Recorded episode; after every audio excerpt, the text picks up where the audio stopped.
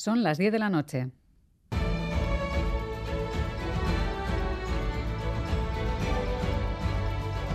Radio Euskadi y Radio Vitoria. Servicios informativos.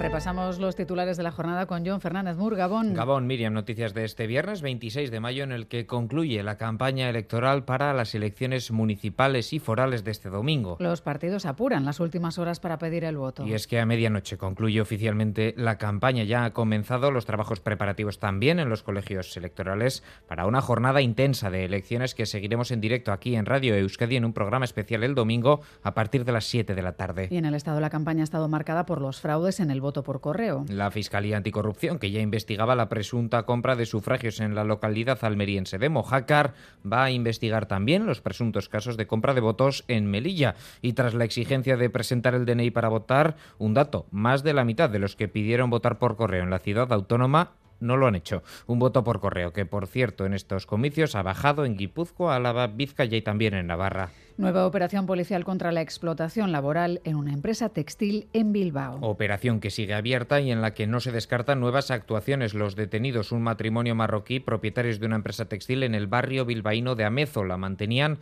a seis compatriotas explotados con un horario de nueve horas siete días a la semana. Eran irregulares y amenazaban con denunciarles. En lo que llevamos de año, la Policía Nacional, junto a Inspección de Trabajo, han llevado a cabo 100 inspecciones de este tipo. Se han saldado con 15 detenciones en Boulevard de Radio Euskadi, el jefe del Servicio de Extranjería de la Policía Nacional ha explicado que no hay un perfil de empresario explotador, pero sí un claro perfil de víctima. Que los propios empresarios juegan con ese miedo a la policía y con ese miedo a su situación para, para digamos, eh, imponer esas condiciones, claro.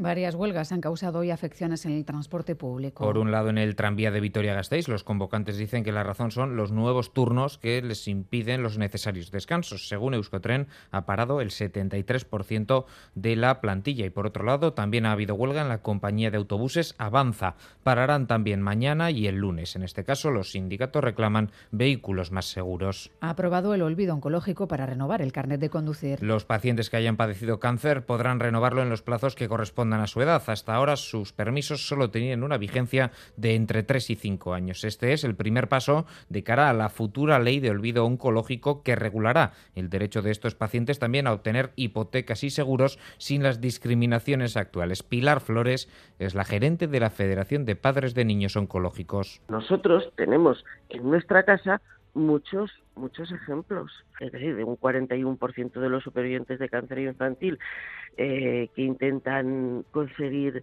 eh, un seguro eh, lo han, han sufrido rechazo por las aseguradoras.